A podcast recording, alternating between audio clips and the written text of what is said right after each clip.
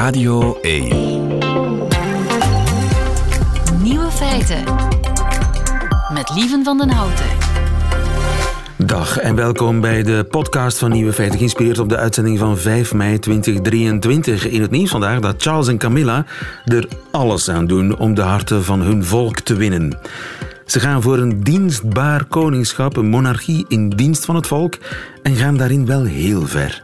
Zo zijn vandaag en morgen de koningin en de koning te horen op de metro. My wife and I wish you and your families a wonderful coronation weekend. Wherever you are travelling, we hope you have a safe and pleasant journey. And remember, please mind the gap. De koning waakt over zijn metroreizende onderdanen. Prachtig toch? De andere nieuwe feiten vandaag. De helft van de Belgen heeft ooit aan BDSM gedaan. Maar eigenlijk is dat strafbaar. De mens is niet uitgerust om nattigheid te voelen. Er is een ster betrapt bij het opeten van een planeet. En we hebben iets nieuws ontdekt aan de Mona Lisa.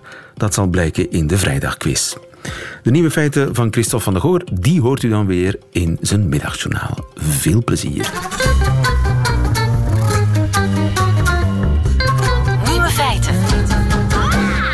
Er is een ster betrapt bij het opeten van een planeet. Katrien Kolenberg, goedemiddag. Goedemiddag. Je bent sterrenkundige. Uh, is dat nooit eerder gezien? Het is een primeur. Het is toevallig gezien en uh, het is niet zo uitzonderlijk, maar het is wel de eerste keer dat we het zien. We wisten dat het gebeurde. We wisten dat uh, sterren daartoe in staat waren om planeten op te eten, maar we hadden nog nooit vastgesteld. Ja, dat klopt. En dat Ja. betekent dat we eigenlijk steeds beter in de ruimte kijken. We hebben een veel betere bril dan vroeger. Absoluut, absoluut. We hebben echt verschillende instrumenten, telescopen die de hemel afscannen. En zulke fenomenen als een ster die haar planeet opslokt, dat zijn dingen die je typisch toevallig gaat zien. Dus die moet je, daarvoor moet je de hemel afscannen en dan kan je ze zien. Maar Ja. het is geen uitzonderlijk fenomeen. Want eh, er zijn heel veel sterren, heel veel planeten rond sterren. En sterren in de loop van hun leven gaan die veranderen van grootte. Die gaan opzwellen. En het is zo dat wanneer een ster in de buurt staat, eh, wanneer een planeet in de buurt staat van de ster, en die ster zwelt op, dan kan het natuurlijk gebeuren dat die ster die planeet gaat verzwelgen. Oké. De, de, de ster wordt zodanig groot dat Ja. de planeet erin verdwijnt. Ja, inderdaad. Ja. En, en waar ongeveer is dat gebeurd? Is dat ver van ons eh, gebeurd- zonnestelsel? Ja, het is gebeurd in onze eigen melkweg, maar op 12.000 lichtjaar. Het is dus eigenlijk 12.000 jaar geleden gebeurd, maar we, we zien het dus nu, of we hebben het nu net gezien. Ja. En Ja. duurt dat lang, zo'n opslokking, zo'n lunch? Nee, nee. En dat maakt het natuurlijk eh, ja, dat je toevallig moet vangen. Want het, het is heel zeldzaam in het leven van zo'n stelsel van planeten rond een ster. Het duurt typisch enkele weken. En eh, ja, planetenstelsels kunnen ettelijke miljarden jaren bestaan rond een ster. Dus in die zin is het eh, een, een, een bijzonder fenomeen. Maar er zijn er mogelijk vele. Ja. Want het hoort eigenlijk bij de normale levenscyclus van een ster. Ja, inderdaad. Ja, en dus ook bij die van onze sterren. Het staat ons ook te wachten. Op, op termijn zijn we allemaal lunch voor de zon. Ja.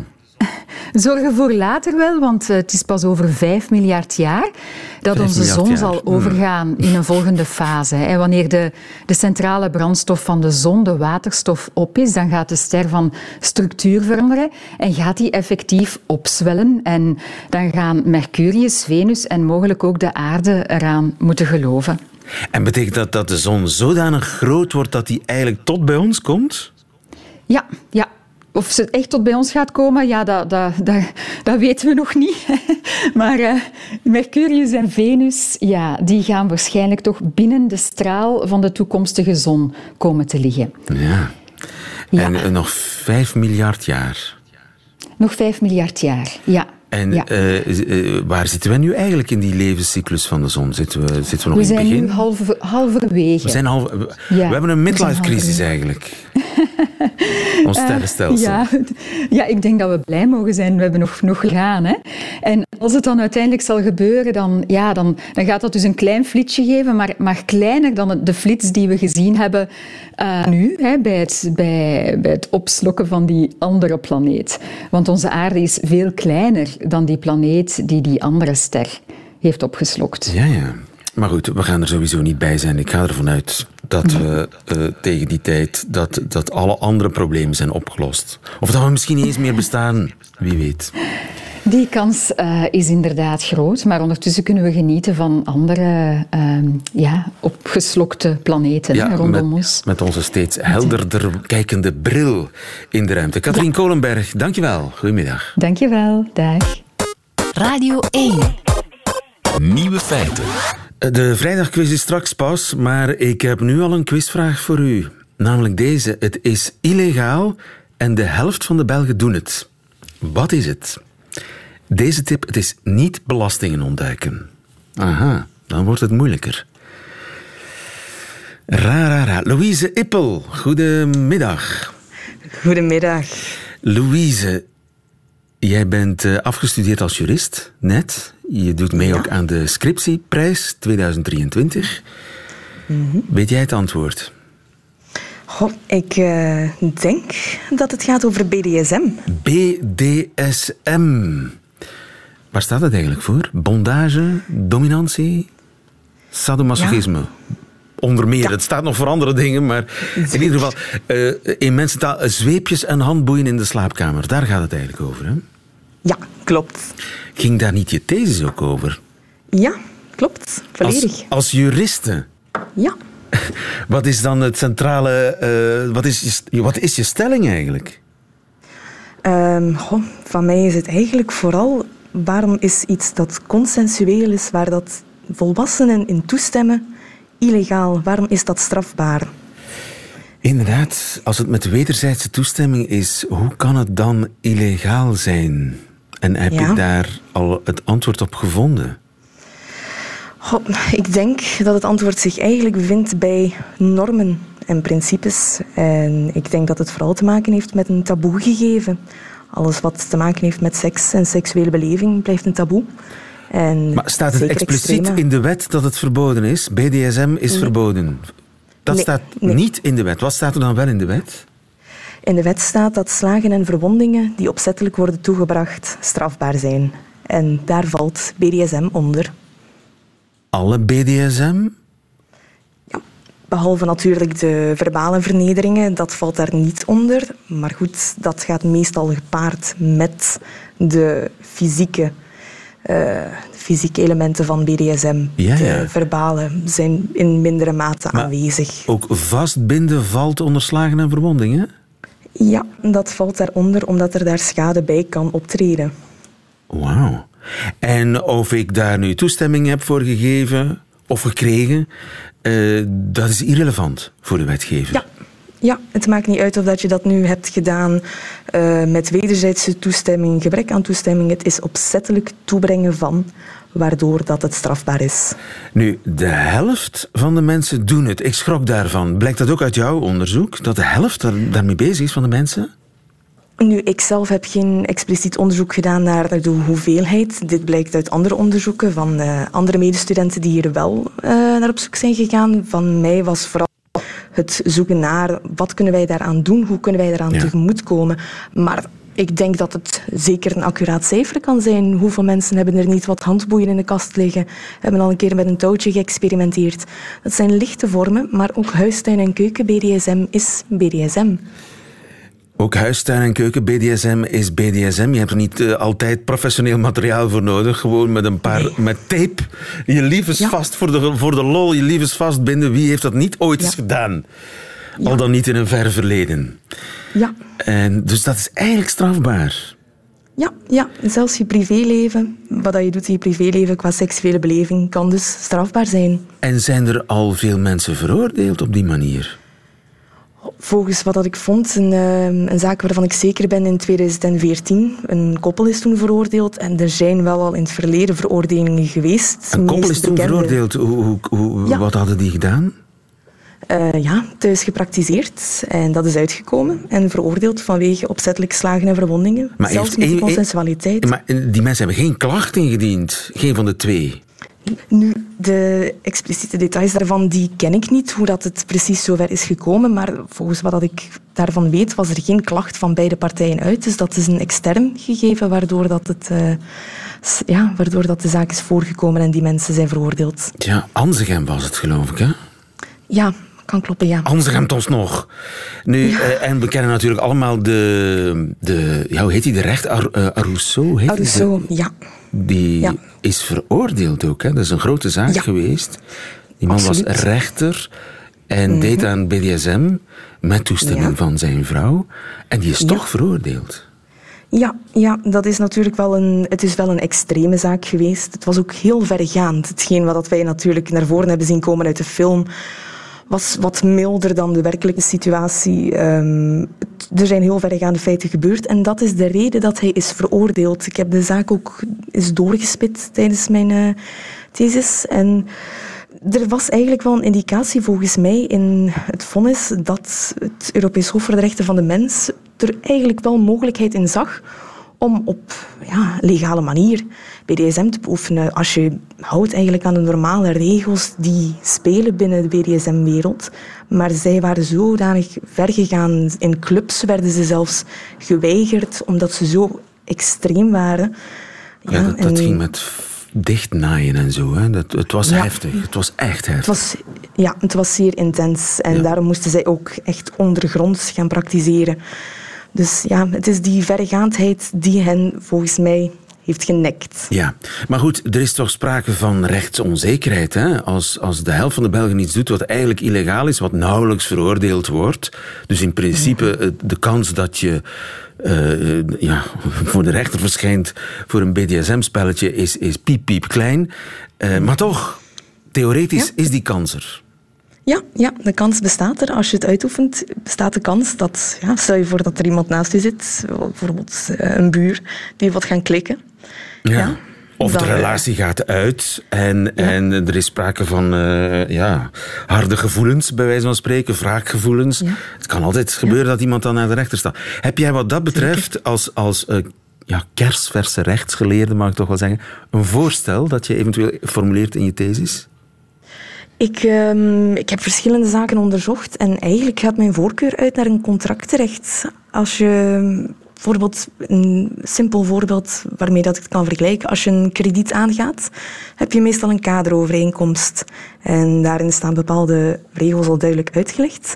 En daarbinnen kun je nog gaan schuiven met allerlei elementen. Kan je zelf meer op maat gaan maken. En ik denk dat er daar een mogelijkheid in zit, ook voor BDSM. Je maakt als overheid een algemeen kader. En daarbinnen kunnen de mensen zelf verder vernauwen of het ruimer laten. Maar er moeten bepaalde zaken sowieso dan aanwezig zijn. Eh, ik denk aan toestemming sowieso vooraf. eh, dus je maakt eigenlijk een soort contract op papier. Ja. Je zet het op papier vooraf. Ja, ja. En misschien om te beginnen ergens eh, zeggen van kijk, we gaan dat eerst opstarten in BDSM-huizen. Waarna dat ook die mogelijkheid zich verder kan zetten in de privéruimte. Zodat je eventueel die Ja. problemen van later een relatiebreuk ook kan vermijden. Doordat je een zwart op wit contract hebt. Ja, en het zou niet slecht zijn mocht de overheid daar een kader toe bieden, zeg maar een formulier voor klaar hebben. Ja, ja, een standaard formulier waarin je zelf verder ja, vernauwt of verbreedt volgens wens en wil. Ja, misschien luisteren er eh, politici die hier werk van willen maken. Goed, Laliekes, waar wacht je op, zou ik zeggen. Ja. Louise Ippel, nogmaals gefeliciteerd met je scriptie. En veel succes Dankjewel. met de scriptieprijs 2023 waar je aan meedoet. Fijne dag nog verder. Goedemiddag. Dankjewel, voor jou ook. Dag.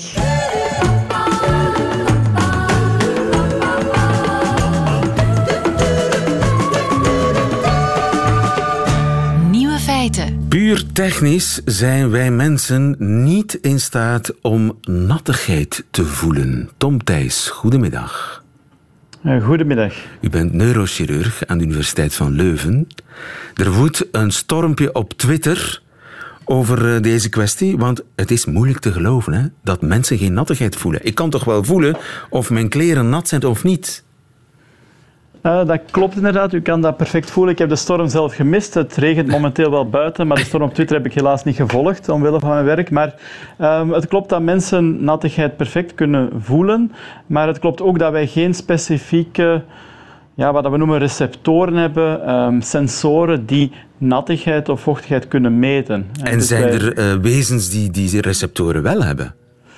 Er zijn zeker wezens die dat wel hebben. Bijvoorbeeld insecten, dat zijn kleine ja, diertjes die heel snel kunnen uitdrogen. En daarvoor is vochtigheid uiteraard belangrijk, omdat ze anders volledig uitdrogen. Die hebben op hun antennen eigenlijk specifieke uh, receptoren, specifieke sensoren die vochtigheid kunnen detecteren in de omgeving. En dat kunnen wij als mens niet. Maar wij kunnen wel vochtigheid leren in die zin dat vochtigheid eigenlijk een combinatie is van aanraking en van koude. Dus als er iets vochtig is aan onze huid of er verdampt zweet, dan is eigenlijk een kortstondig afkoelen van die huid. En dat is iets dat wij wel kunnen waarnemen en kunnen leren. Maar we hebben geen specifieke sensoren, zo, zo, genoemd, die vochtigheid detecteren, zoals dat eh, bij insecten wel het geval is. Dus wij voelen vochtigheid indirect via andere zintuigen? Indirect is eigenlijk een soort, ja, is in feite een illusie. Hè. Dus veel van wat wij waarnemen zijn illusies. Hè. Dat is ook aangetoond bij andere zintuigen. En dit is ook een soort illusie, in die zin dat ja, wanneer we een handschoen aandoen en die is heel dun en er komt vocht aan onze vingers, dan gaan we dat als effectieve vochtigheid waarnemen. Omdat dat inderdaad ook koud is, omdat het ook een aanraking is. Maar dat is in feite die vochtigheid rondom onze huid. De droogte van onze huid verandert niet, maar dat is een illusie van vochtigheid, wat dat we waarnemen. En daaraan merk je dat we eigenlijk niet voor zijn uitgerust. Als we hele dunne handschoenen aantrekken en we gaan daarmee het water in, dan denken we mijn handen zijn nat. Terwijl Klopt, ze helemaal. zijn.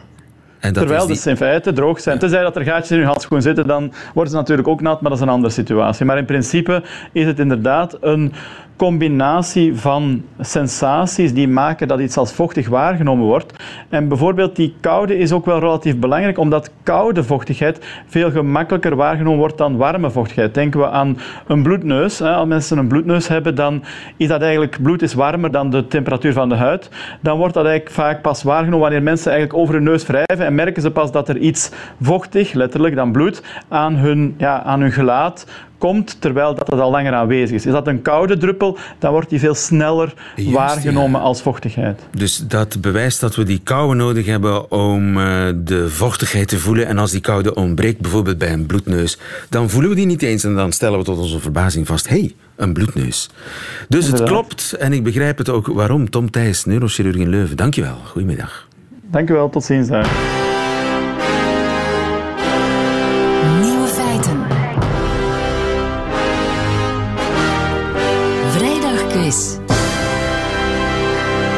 Gilles Wijkmans is erbij gekomen. Dag Gilles, goedemiddag. Hallo, hallo. Gilles, je hebt weer een meedogenloze vrijdagquiz samengesteld. Je zal ook juryvoorzitter uh, zijn en voltallige jury zijn in deze quiz, zoals meestal op vrijdag. Er is geen democratie. Er is geen democratie. Het is een, uh, hij oefent de absolute macht uit over deze quiz, Gilles.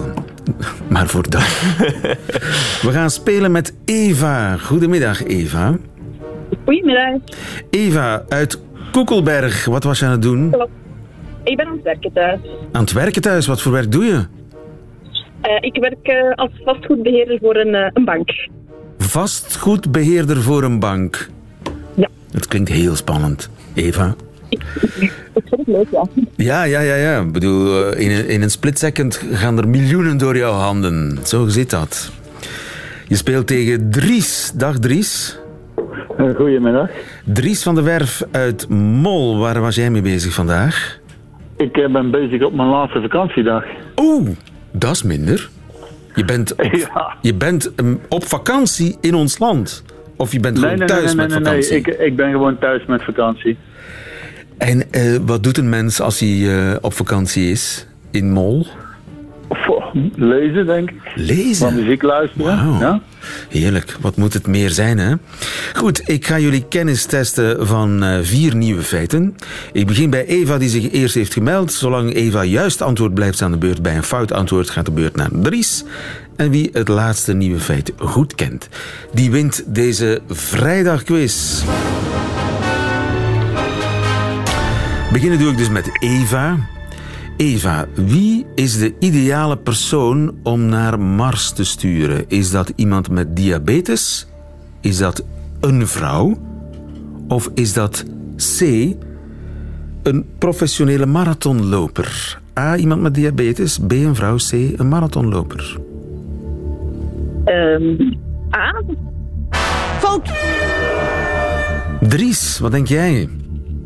Ik denk B, een vrouw. Je denkt een vrouw. Dat is helemaal goed. Goed gedacht, Dries. Inderdaad. En dat blijkt uit een nieuwe studie. Ehm, daarin werd gekeken naar het gemiddeld verbruik van vrouwen en mannen van essentiële dingen die je wel eens nodig hebt in de ruimte, zoals zuurstof en voedsel. En dan blijkt dat een vrouw, een volledig vrouwelijke crew, eigenlijk veel efficiënter is dan een mannelijke crew. Komen we nu pas achter. Ja, het moet niet verbazen natuurlijk. Ze nemen minder calorieën in. En ook qua zuurstof bijvoorbeeld zou het tot een daling van 30% qua verbruik kunnen leiden. Dus wanneer we Mars gaan koloniseren, kunnen de eerste kolonisten best een vrouw zijn. Ja, en de eerstvolgende generatie ruimtevaarders, dat kunnen maar beter vrouwen zijn. Eigenlijk kunnen het allemaal maar beter vrouwen zijn. Ja, goed.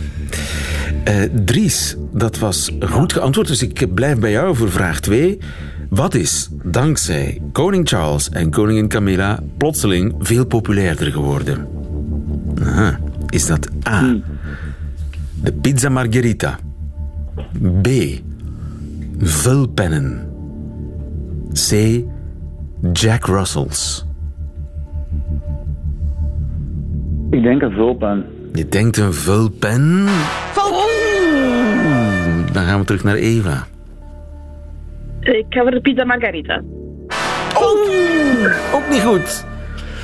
Pizza Margherita is wel de favoriete pizza van King Charles. Is dat zo? Dat is zo, maar dat is niet het juiste antwoord. Heeft dat is hij- niet populair Heeft hij al, hoeveel keer pizza heeft hij al gegeten, vraag ik me af. Wel, een, een pizzabakker ergens in Engeland beweert dat Charles hem ooit verteld heeft dat pizza margherita zijn favorieten is. Maar Ja, bon, ja. wat dat zegt over Charles, dat laat ik in het midden. In ieder geval, ze hebben wel twee Jack Russells, Camilla en eh, Charles. Bluebell en Beth heten die. En die Beth? Beth, als in Elizabeth. Oké. En die hondjes zijn zo populair dat de vraag naar Jack Russells bij de Britten met 40% is gestegen. En die naar corgis? Was waarschijnlijk gedaald. Waarschijnlijk gedaald. Dus ja, een troonwissel is ook een wissel, een hondwissel eigenlijk. Van corgis naar eh, Jack Russells. Dries, vraag drie. Voor jou. Wat werd niet vergeten door Uber-passagiers na een Uber-ritje? A. Een gevulde kalkoen. B. Een bidet. C. Een hamster. Wat werd niet vergeten. Wat werd nooit, wat we bij ons weten, nog niet vergeten door een Uber-passagier na een Uberritje? Een hamster. Fout! Eva, wat denk jij? Ik denk de gevulde kalkoen. Je denkt een gevulde kalkoen. Dat is helemaal goed. Wauw. Hè, Spannend is hij deze keer. Echt, hè? het gaat heen en weer. Ja. Eh, ja, ieder jaar brengt Uber, het taxibedrijf, een eh, lijst uit met allemaal dingen die vergeten worden in de auto's van de chauffeurs door eh, vergeetachtige passagiers. En op die lijst staat een hamster. Op die lijst staat inderdaad een hamster en een bidet. Een bidet. Ja, Een volledig, een- hoe kun je een bidet vergeten in een auto? door het in de koffer te steken en het daarna te vergeten wanneer je aankomt. Ik weet het, ik, ik weet het niet. Ja. Maar een, eh, een gevulde kalkoen Werd nog nooit werd vergeten. nog nooit gevonden en dat werd goed geraden door Eva. Dat betekent dat vraag 4, de cruciale vraag, de alles of niets vraag, is voor jou, Eva, voorlopig althans. Wat hebben we ontdekt? We hebben iets nieuws ontdekt over de Mona Lisa, het beroemde schilderij van Leonardo da Vinci. Wat hebben we ontdekt? A. In de kladversie had ze een doorlopende wenkbrauw. B.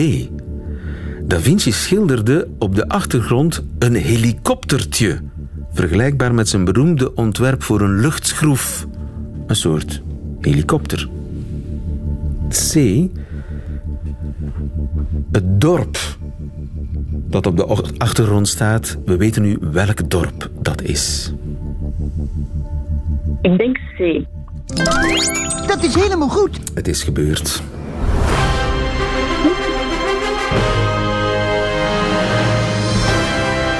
Gefeliciteerd, Eva. Was het een gok? wel een beetje, ja. Ja. Want die helikopter had ook gekund, hè? want hij heeft ooit on helikopters ontworpen. En die doorlopende wenkbrauw, ja, als ik uh, mevrouw Mona Lisa La Gioconde een beetje bekijk, ja, dat had gekund.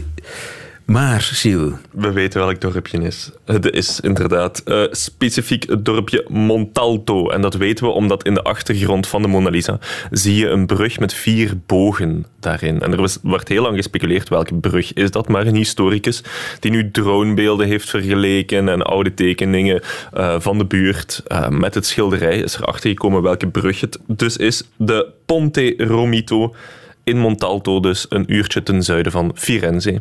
Wauw.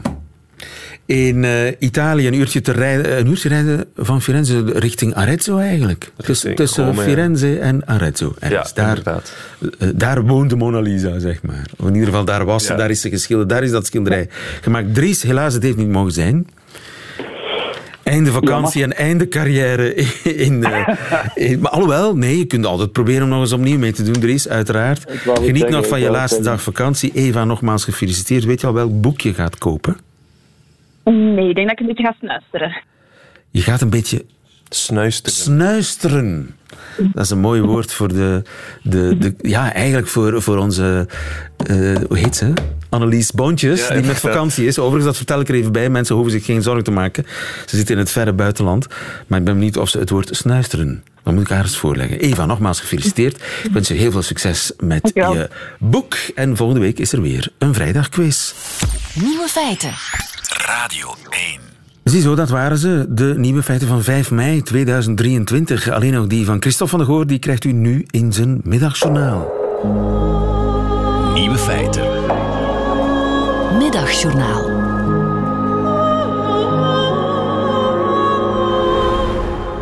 Goedemiddag. Vorige week was ik voor het eerst sinds lang in een van de leslokalen waar ik ook heel lang geleden sociologie studeerde. Later werd ik sportverslaggever, wat totaal niets met die opleiding te maken heeft, maar toch werd ik uitgenodigd om te komen spreken voor studenten sociale wetenschappen. Men vroeg mij welke term of theorie me was bijgebleven en ik moest niet lang nadenken. Het Matthäus-effect. Enkele dagen eerder had ik die term nog proberen toe te passen op het wielrennen, zoals eerder gezegd, een omgeving waarin ik me wel vaker bevind. In het evangelie van Matthäus lezen we, want aan ieder die heeft zal gegeven worden, maar wie niet heeft, hem zal nog ontnomen worden, zelfs wat hij heeft. De rijken worden rijker, de armen blijven arm of worden armer, het mechanisme waardoor ongelijkheid ontstaat.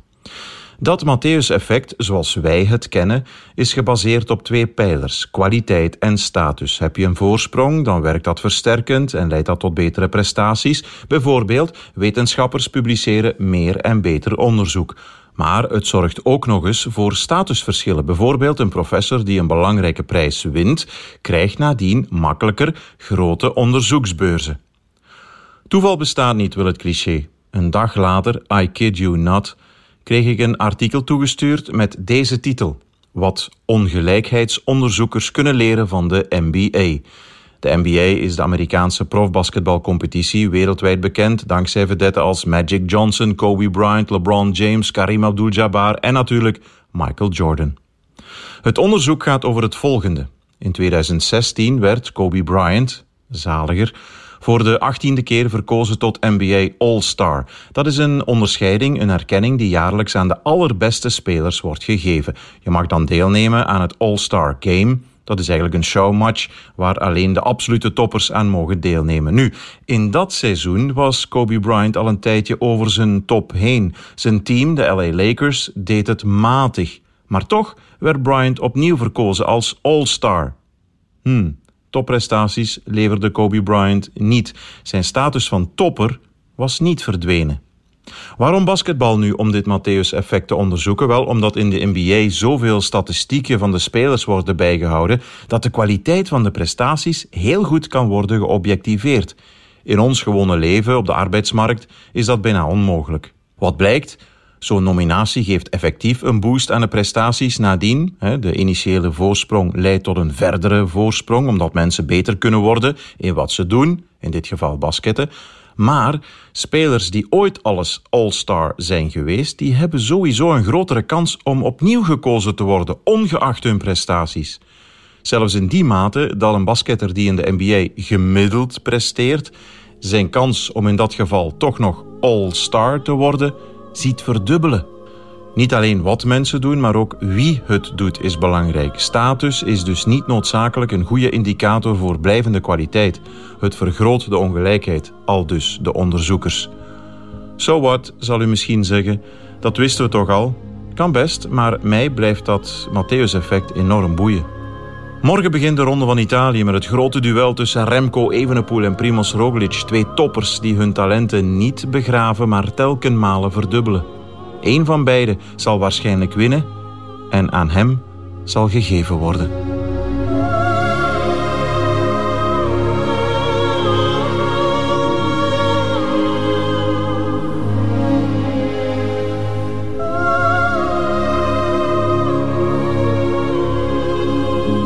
Tot zover het middagjournaal van Christophe van der Goor, onze sportzaak-collega. Einde van deze podcast.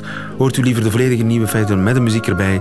Dat kan natuurlijk elke werkdag tussen 12 en 1 op Radio 1. Of on demand via de Radio 1-app of website. Tot een volgende keer.